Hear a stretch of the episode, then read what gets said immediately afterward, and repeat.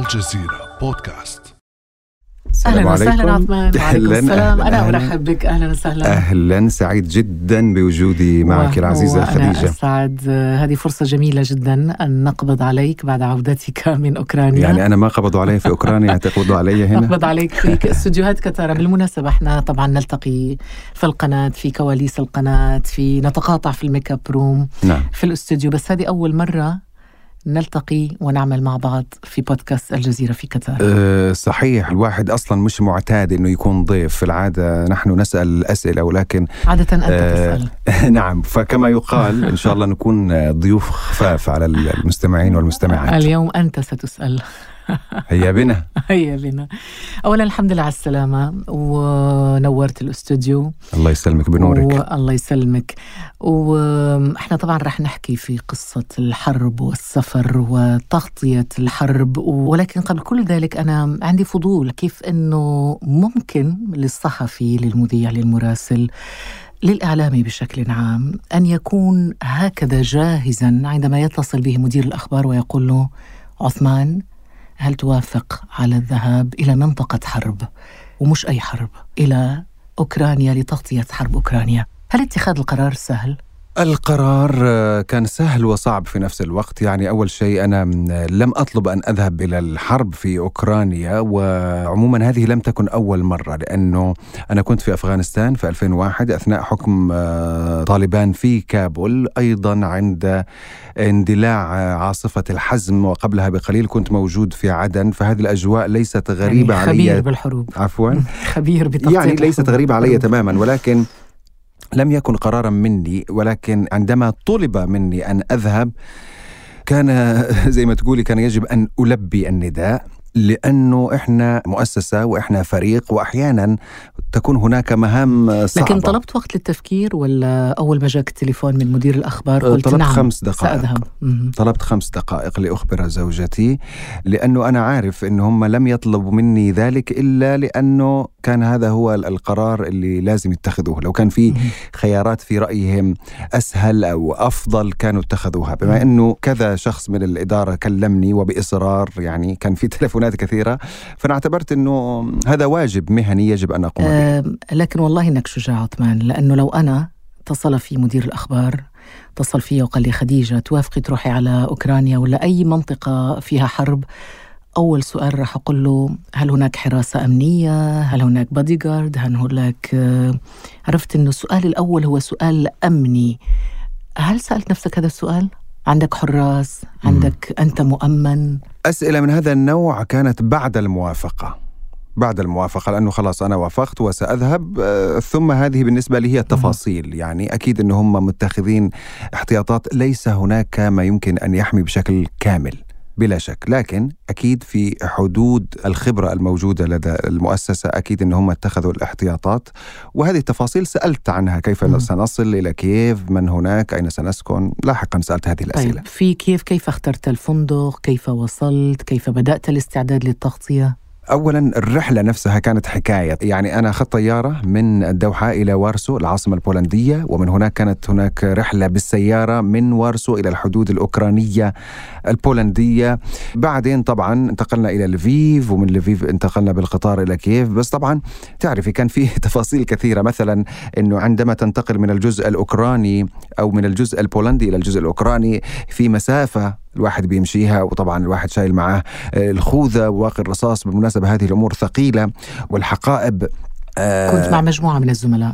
كان معي الزميل عبد العظيم محمد مدير مكتبنا في تركيا وأيضا كان زميل producer أو منتج هو يلمز وأعتقد المصور كان شتاي بعدين طلعنا القطار القطار كان عشر ساعات.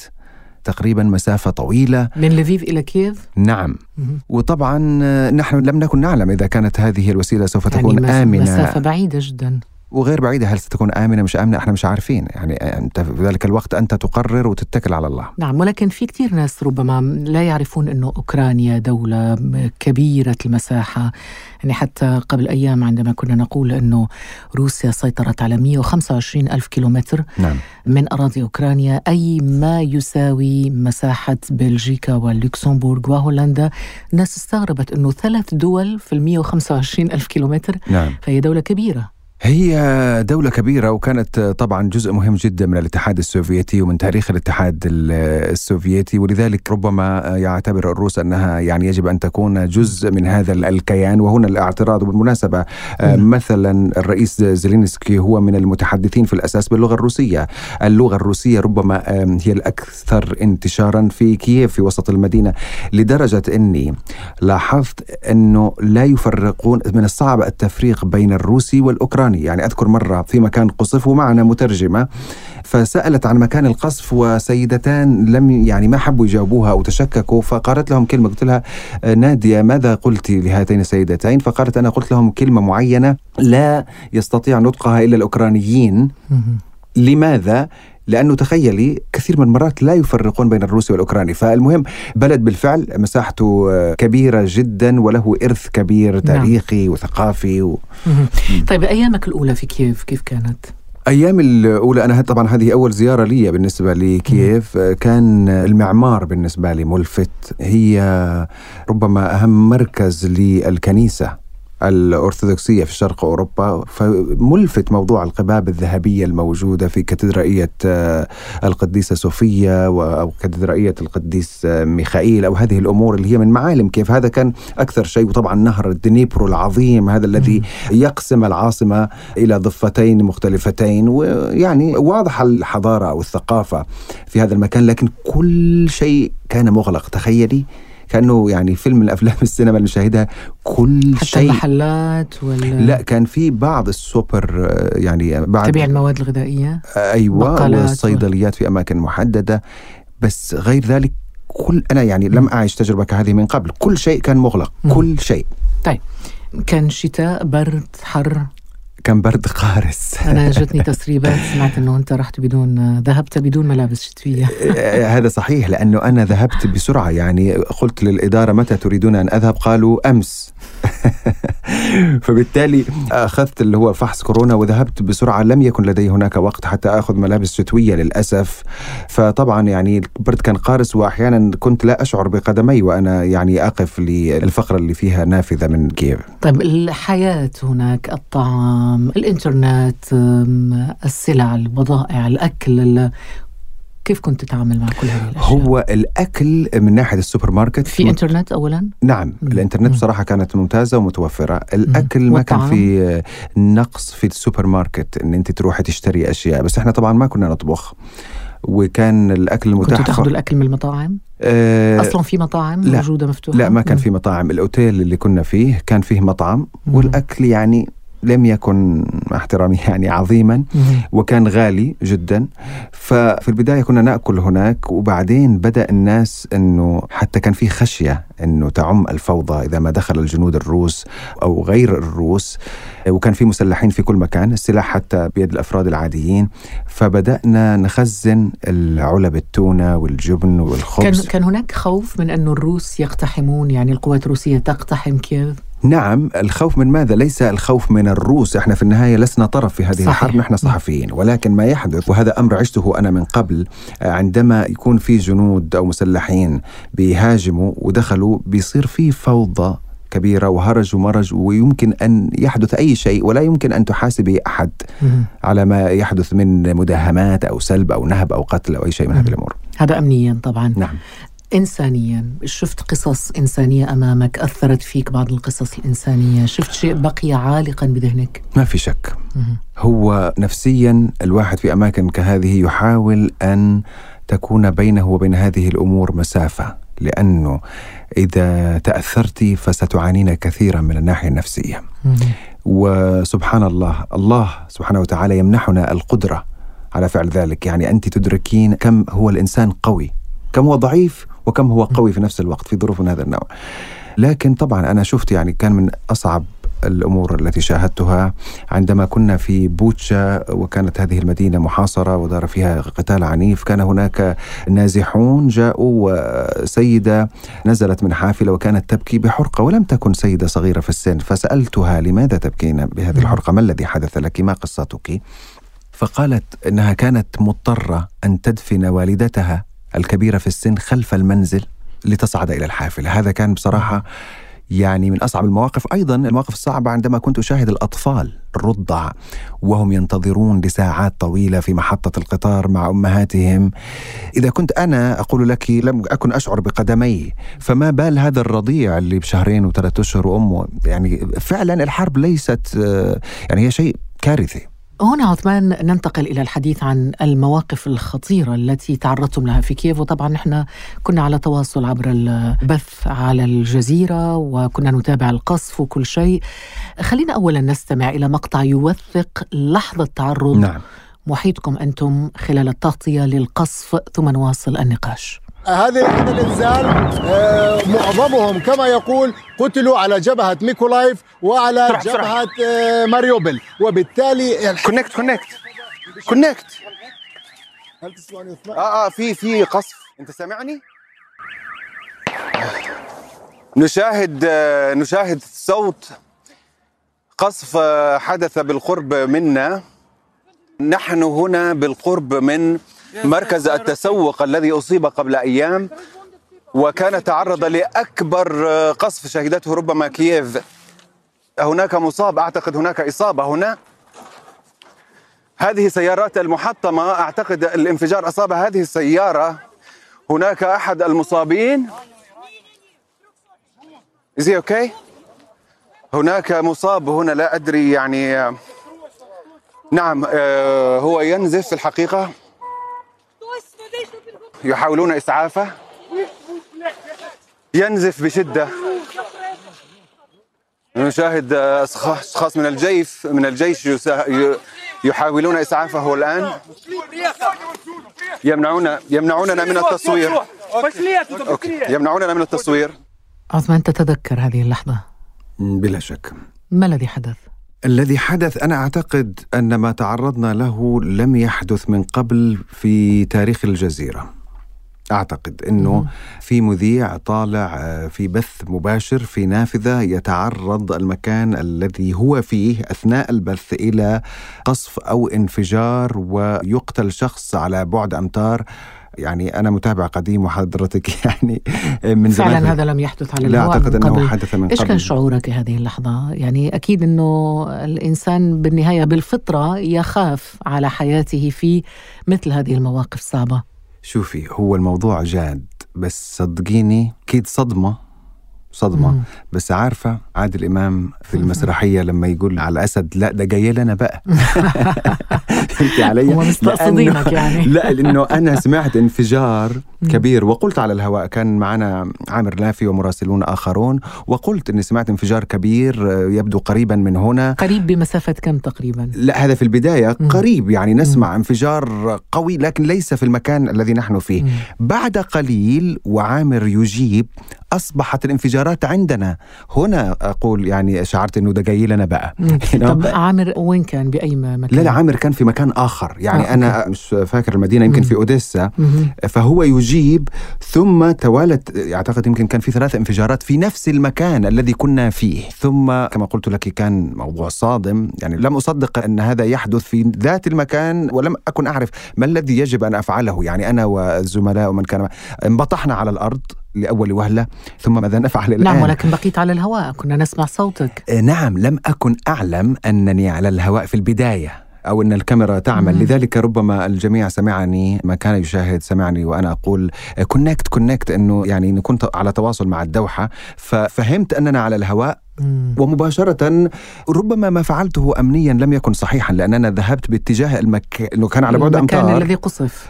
أو اللي صار فيه الانفجار. صراحة لأنه حتى الآن مش واضح اللي. صار بالضبط. وبدأت أتحدث عن الأمر وشاهدت الرجل للأسف يبدو قتل هو. يعني هذا على بعد أمتار وكنت أقول ينزف بشدة لأن هذا ما هذا شاهدناه. أول مرة يحدث بحياتك أنك إنه يقصف طبعا هو في أوكرانيا أو أن في يقصف مكان تقريبا أنت فيه. يعني أنت على بعد أمتار ن- قليلة. نعم يعني كثير ما كنا نذهب لأماكن قصفت ونشاهدها أو نسمع صوت القصف بالقرب منا لكن أن يكون الانفجار في المكان الذي أنا فيه نعم. لم يحدث من قبل. هذا طب جعلني كيف تصرفت في هذه اللحظة؟ تصرفت؟ بشكل لا لا تصرفت بشكل تلقائي. أول شيء حاولنا أن يكون هناك ملاذ انبطحنا بشكل تلقائي على الأرض. ثم توقف صوت الانفجارات قمنا شاهدنا الدخان المنتشر الكثيف وذهبنا نحوه لنرصد إلى أن منعنا وشاهدنا السيارة التي انفجرت والرجل الذي كان للأسف يعني يحتضر. واصلت بعدها التغطية بشكل عادي نعم. وطلعت معنا على الهواء في الأيام اللي بعدها لا في نفس اليوم في نفس اليوم في نفس. اليوم أنا. حتى أول شيء النافذة أكملناها وشرحنا ما يحدث ثم طلب منا الجيش أن نتوقف عن التصوير وأن نغادر المكان وأكملنا النافذة من السيارة مم. وثم أكملت النوافذ عادي يعني بقية اليوم يعني وكان يجب أن نفعل ذلك والله المراسلون والإعلاميون أبطال يعني فعلا اللي وصف مهنة الصحافة بأنها مهنة الموت بس خليني أقول شيء أنه أنا لم أكن لوحدي إحنا كنا فريق كبير والجميع كان يعني آه، يخاطر. أنا لا أريد أن أنسى الأسماء ولكن المعتز وعمار وإلياس كرام و فعلا يعني هو مهنة الموت هي مهنة الموت لأنه قبل أيام فقدنا زميلتنا شيرين أبو عاقلة وهي تؤدي واجبها أيضا في تغطية اجتياح جنين. هناك زملاء في مناطق حروب أيضا يعني يخاطرون بحياتهم. كما فعلت أنت وفعل زملاء آخرون من الجزيرة ومن قنوات أخرى. ومن وسائل إعلام أخرى. الله يرحم شيرين. طبعا إلياس كرام كان معنا في أوكرانيا. وهو ذكر إنه عندما يعني كان يتحدث إلى زوجته وتطلب. منه أن يعود قال لها ما أدراك ربما يكون الوضع في فلسطين أخطر وفعلا عاد ويعني ما كان في اشتباك ولا كان في حتى رشق حجارة واغتيلت شيرين الله يرحمها بهذا الشكل يعني. نعم.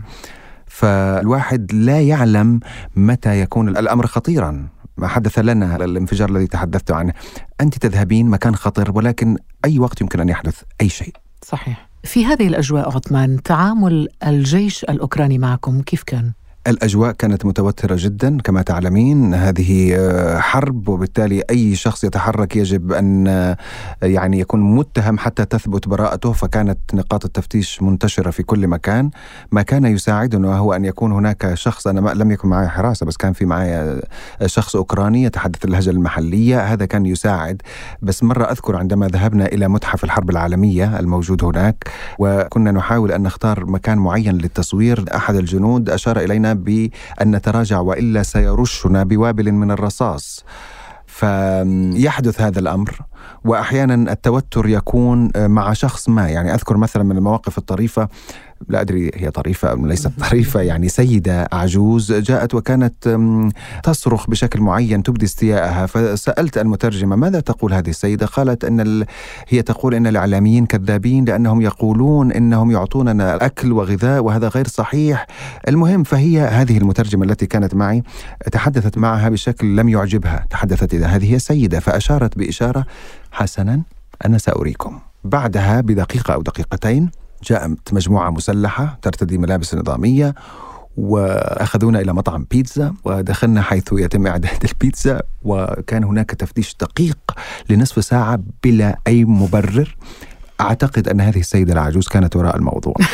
حقيقة. فلا شوفي يعني الواحد لازم ينتبه مرات هذه مواقف صراحة يعني أنت. بتزعل واحدة سيدة ماشية والله أعلم هي تقول لك أنا حوريك وتوريك. نعم. طيب أكلتوا البيتزا؟ لا بيتزا مين إحنا ما صدقنا نطلع. طيب دعنا الآن نذهب عثمان إلى اللقاء المهم الذي أجريته مع الرئيس فلوديمير زيلينسكي. اللقاء مهم في تاريخ مهم في خضم هذه الحرب وخلينا أولا نستمع ثم نناقش محتوى هذه المقابلة. If you allow me to end with this personal question. إذا سمحت لي أن أختم بهذا السؤال الشخصي. أنت فنان، ممثل، لست جنرالا عسكريا. والآن هذه حرب، وقد شاهدت أمورا صعبة كثيرة. شاهدت جثثا على قارعة الطريق في بوتشا. وأنت قائد الآن لهذا البلد. الأمر صعب على الجميع. أنت كإنسان كيف تتعامل نفسيا مع كل هذه الأمور؟ أي إنسان حي آه، سوف يشعر بالألم. أحيانا أشعر بالشفقة ولكني بدأت أتعود على هذه المشاعر. أحيانا أنظر إلى بعض الأشياء التي لم أكن لأتخيلها في الماضي. أمور لا أريد أن أتخيلها حتى. حدثنا عثمان عن شخصية الرئيس الأوكراني فلوديمير زيلينسكي. هل كاريزما الرئيس أقوى أم كاريزما الممثل الكوميدي الذي كان قبل أن يكون رئيساً؟ طبعا أنا بالنسبة لي ليست لدي صورة الممثل حتى أقارنها بالرئيس الذي شاهدته ولكن هو حتما كانت كاريزما رئيس وكان حوله مدججون بالأسلحة جنود لحمايته وطبعا الموظفون الذين يحيطون بأي رئيس خاصة في ظروف حرب وتم تفتيشنا تفتيشا دقيقا. فأنا كنت أرى رئيسا الذين يتحدثون عن كونه رئيسا يعني كان ممثل. طبعا لا ننسى هو ليس الممثل الوحيد. رونالد ريغن على سبيل المثال كان ممثلا. زيلينسكي مهنته أنه كان ممثلا ونجح في إقناع الشعب عن طريق تمثيل دور الرئيس أن ينتخبه كرئيس فربما هو أنجح ممثل في التاريخ. إن شئت أن نقول أنه هذا هو الذي قاده إلى الرئاسة. طيب طب في الكواليس عثمان في شيء لفت نظرك مثلا؟ لا هو يعني التحضير للقاء نفسه إحنا من أول ما بداية الحرب طبعا طلبنا أن يكون هناك الرئيس لقاء يعني مع الرئيس. عندما أجرى اللقاء معنا كان أول لقاء مع وسيلة إعلام عربية. الأمر أخذ بعض الوقت يمكن أخذ شهر. عندما التقينا به كان طبعا في الجوانب الأمنية ومن مكان إلى مكان إلى مكان وتفتيش دقيق حتى الأقلام فتشوها. وهو كان يعني الملفت فيه إنه كان يريد الحديث. يعني لولا أنه الموظفين هم اللي وقفوه هو كان يريد الاستمرار في الحديث. يعني تحسي إنه يعني لديه كان مستمتع معك. ربما وطبعا على فكرة في سؤال زعله. وهو؟ لأنه في السؤال الأخير؟ لا مش بالعكس بالعكس. إنما كان في شريط شهير فيديو يعني طلع لجنود أوكرانيين أعدموا جنود روس. في غابة ما فأنا قلت له أنه حتى أنتم متهمين أنتم أيضا متهمون بارتكاب جرائم حرب. فهذا أعتقد أن أغضبه وقال لا يمكن أن نقارن من يدافع عن وطنه بأشخاص جاءوا من الخارج ليغزونا فليس هناك أيضا في هذا الأمر على كل حال. وأنا كنت سعيد أني طرحت عليه هذا السؤال يعني عرفت أنه تقبل في ظروف كهذه وهذا عملنا أيضا أن نطرح عليه سؤال من هذا النوع. المقابلة عثمان كانت في شهر رمضان أتذكر أنك كنت هناك نعم. في شهر رمضان كيف شكله؟ في شربة في قطايف في والله شوفي يعني طبعا أنا يعني في فترة من الوقت ذهبت إلى لفيف وكان يفترض أن يكون هذا في طريق العودة إلى الدوحة ولكن عدت إلى كييف من أجل إجراء اللقاء مع الرئيس الأوكراني. أريد أن أقول لك أنا أود أن أشكر كرم المواطنين العرب الموجودين هناك لأنه عددهم كبير؟ لا أدري كم عددهم بس تخيلي إنه كذا مرة يعني حد يشوفني في التلفزيون ويجي طابخ يعني طبخ لنا مقلوبة وجابها جميل. في اللي عزمنا على أكل فلسطيني في للإفطار في رمضان نعم في اللي عزمنا على أكل يمني لكن أوكرانيا بلد هجرة يعني الموجودون هناك هم طلبة هم مهاجرون للعمل هم ماذا؟ نعم هم في اللي هاجر من فترة طويلة وذهب إلى هناك وصار له أسرة وعايش هناك. في اللي ذهب لأسباب مختلفة. ذهب ليعمل مثلا في الجامعة مدرسا باللغة الأوكرانية؟ أو الروسية لأنه خلي بالك اللغة الروسية هناك كانت منتشرة وما زالت إلى حد كبير جدا. اللغة يعني الرسمية هي الأوكرانية. نعم ولكن يعني الروسية أيضا تستخدم على نطاق واسع. وأنا قال لي رئيس المجلس الإسلامي في أوكرانيا مثلا أن من يقول أن هناك يعني اضطهاد أو قمع للغة الروسية ضرب مثلا للدفاع عن الموقف الأوكراني. بغض النظر أنا أنقل لك موقفه عندما قال حتى الخطبة هنا خطبة الجمعة هي باللغة الروسية لسبب بسيط. أن هناك نازحين كثير من أماكن مختلفة ولا يتحدثون جميعا الأوكرانية ولكن توحدهم اللغة الروسية ف... نعم. فنحن هذا رئيس المجلس الإسلامي في نعم. أوكرانيا طب نعم. هذا يقودنا للسؤال عن رمضان في أوكرانيا الجالية المسلمة هناك أو عدد المسلمين الأوكرانيين هناك كبير؟ لا أعلم عددهم بالضبط ولكن في كثيرين تواجدوا في كييف أو في لفيف بسبب الحرب وكان من القصص الملفتة مثلا أنه في شخص يمني هو أصلا يعني بلده تعيش حربا ومتزوج سورية فأيضا الزوجة بلدها حرب بالتالي لا تستطيع أن تعود لهذا السبب. وثم كانوا عايشين هم في مناطق الدومباس فصارت حرب ونزحوا من هناك إلى آه يعني هو من منطقة حرب وزوجته من منطقة حرب وجاءوا و... إلى منطقة حرب. وعاشوا في منطقة حرب اضطروا أن هم يعني يطلعوا منها أيضا يعني. طبعا خرجت أنت من كييف قبل نهاية شهر رمضان وعدت نعم. إلى الدوحة نعم. وجاء بعدك زميل آخر لاستكمال التغطية حسن جمول نعم ذهب حسن نعم. جمول ليكمل التغطية هناك في البداية عثمان قلت أنه أنت يعني ليست هذه أول مرة تذهب لتغطية حرب في مكان من في نعم. منطقة من العالم ذهبت قبل هذا إلى أفغانستان هناك اختلاف واليمن. بين واليمن أيضا. هناك اختلاف بين تغطية حرب اليمن حرب أفغانستان وحرب أوكرانيا؟ اولا الفترة لأنه أنا الفترة اللي كنت موجود فيها في أفغانستان أو اليمن كانت أقل بكثير. أنا هنا قرابة ال يوم كنت في أوكرانيا. الشيء الآخر إنه في أفغانستان على سبيل المثال ما حدث إنه التحالف الشمالي تمكن من الدخول إلى كابول وخرج الطالبان.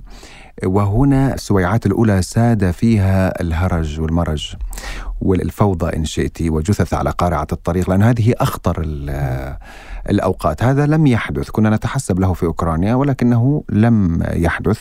اليمن إحنا خرجنا وسط إطلاق نار. يعني إحنا كنا في حافلة وسط إطلاق نار يعني ننحني برؤوسنا حتى لا يصيبنا الرصاص. وكان الوضع مشابه لأنه كان هذا الوقت اللي خلاص الحوثيين جماعة أنصار الله الحوثيين كانوا بيدخلوا عدن. وإحنا خرجنا طبعا وقتها في خرجتم تهريبا إحنا خرجنا في فرقاطة سعودية في ذلك الوقت. وقتها شكرت الإخوة السعوديين على هذا الأمر ويعني وخرجنا جميعا. يعني لم تكن هذه عملية خاصة بي أنا لوحدي. كنا مجموعة من الصحفيين والدبلوماسيين. وذكريات كانت رائعة أيضا مع الجنود اللي كانوا في هذه الفرقاطة أنا أعتبرهم إخوة أعزاء وربنا إن شاء الله يبعد كل هذه الخلافات أتمنى. ما, ما علينا. الحمد لله. فبقول لك إنه فوقتها انطلقت عاصفة الحزم. في اللحظة اللي طلعنا فيها فهذا هو الفرق في أوكرانيا كنا طبعا دائما نسمع صوت المضادات الصواريخ القصف واللحظات الخطيرة اللي حكيت عنها بس لم يحدث أنه مثلا دخلوا الروس مم. إلى داخل كييف مم. أنت لما غطيت حرب أفغانستان كم كان عمرك؟ حلو هذا السؤال. لأنه قبل شوية قلت ذهبت غطيت حرب أفغانستان سنة 2000 أو 2001 2001 2001 يعني كنت صغير. لا أذكر بالضبط بس أنا مولود في ديسمبر 79 جميل. فالواحد ممكن يحسبها بس أعتقد يمكن كان عمري 20 سنة شيء وأريد أن أقول لك. يعني في بداية العشرينيات. لا تقريبا 20, 20 سنة؟ يمكن طيب 21 هذا, هذا يعني أنك. خبرت الحرب. وتغطية الحروب وأنت صغير هو أنا خبرت الحرب منذ ولادتي لأن أنا ليش؟ ولدت أثناء الحرب آه. الأثيوبية الإريترية ووالدي عندما ولدت كان معتقلا وتلك قصة أخرى أصلا يعني هذه لكن تحتاج إلى بودكاست آخر نعم ربما لكن أريد أن أقول لك أن رحلة أفغانستان هذه ما كانتش أول رحلة عمل بالنسبة لي. كانت أول مرة أسافر في حياتي. منفردا تخيلي أول مرة أسافر. عمرك عشرين. رحت أفغانستان. أول سفرة إلى أفغانستان. أول سفرة. سافرت مع الأهل لما طبعا طلعنا رحنا من إريتريا إثيوبيا جيبوتي اليمن السعودية بريطانيا. بس إنه أنا أروح أسافر لوحدي كانت أول مرة. أكيد وكنت بق... أصغر مراسل حرب في العالم. أكيد بقيت عالقة في ذهنك الذكريات أول رحلة ما في شك أكيد. جميل. لو طلب منك الآن بعد ما نخلص البودكاست بيتصل مدير الأخبار بيقول لك عثمان على كابول فورا. ممكن يعني حسب الظرف فهمتي وهم بيتفهموا يعني ممكن أقول له لا والله مشغول عندي بودكاست مثلا عرفتي مع خديجة عاصف يسمعنا الآن آه. أو ممكن أقول له أوكي فيتصل بزميل آخر يعني هي المسألة فيها خذ وهات أنا زي ما قلت لك موضوع صحيح. أوكرانيا أنا كنت متأكد. انه هم شايفين إنه لازم عثمان يروح. ف يعني لبيت النداء انجاز جميل. التعبير غالبا عثمان في المقابلات وأنت سيد المحاورين استمعنا إليك وأنت تحاور الرئيس زيلينسكي. سألته سؤالا طريفا في النهاية. مم. أنا أيضا حابة أسمع شيء طريف منك في النهاية. شوفي شيء طريف هذا من أكثر الأمور اللي استوقفتني واللي يمكن لن أنساها في هذه التغطية. دائما يتم الحديث عن روح الدعابة أو السنس أوف هيومر لدى الشعوب وكثيرا ما يأتي مثلا ذكر الإخوة المصريين إنه في فعلا عندهم روح دعابة وفكاهة. صحيح. أنا اكتشفت هذا الأمر في الأوكرانيين. أذكر مرة دمهم خفيف؟ بشكل فظيع. يعني مرة رحنا نغطي أنه في مكان تعرض لقصف ففي بيت تعرض لدمار كبير دمر تماما. رحنا إلى هذا المكان السيدة اللي بيتها تدمر جالسة برا مع صديقاتها وطبعا الكلام عن طريق المترجمة. تقول قلنا لها ماذا حدث؟ قالت نحن كنا يعني في أمان جالسين والله وأنا بطبخ طعام الإفطار والأكل على النار واللحمة على النار. وهوب فجأة سقط صاروخ. قامت زميلتها اللي جنبها قالت لها أكيد اللحمة استوت زيادة جميل فتخيلي انه واحدة بيتها تدمر قبل ثلاث ساعات كان تمزح بهذا الشكل وهذا يخلينا نفكر في حكاية كيف إنه الناس تتعامل التعايش مع. أ- وكيف إنه تستخدم روح الدعابة أو السنس. فيمر في التعامل مع المآسي والكوارث وبالمناسبة المستمعون ربما لا يعرفون أنه عثمان أي فرح مصنع للدعابة والفرح وتحمل. فعلا تحمل من اسمك نصيبا كبيرا. شكرا جزيلا لك عثمان أي فرح شكرا جزيلا لك خديجة بن جنة. سعدت بك في البودكاست لأول مرة منذ زمن ونحن نتواعد صحيح. لنعمل بودكاست مع بعض. فجاءت الفرصة الآن. شكرا. لا وفعلا أنت بالنسبة لنا خليني أقول معلش يعني أيقونة. الله يحفظك. و... وفعلا بغض النظر عن أي شيء أنا استمتعت كثيرا بهذا الحديث معك. تسلم. وأنا أيضا شكرا جزيلا لك. كان هذا بعد أمس.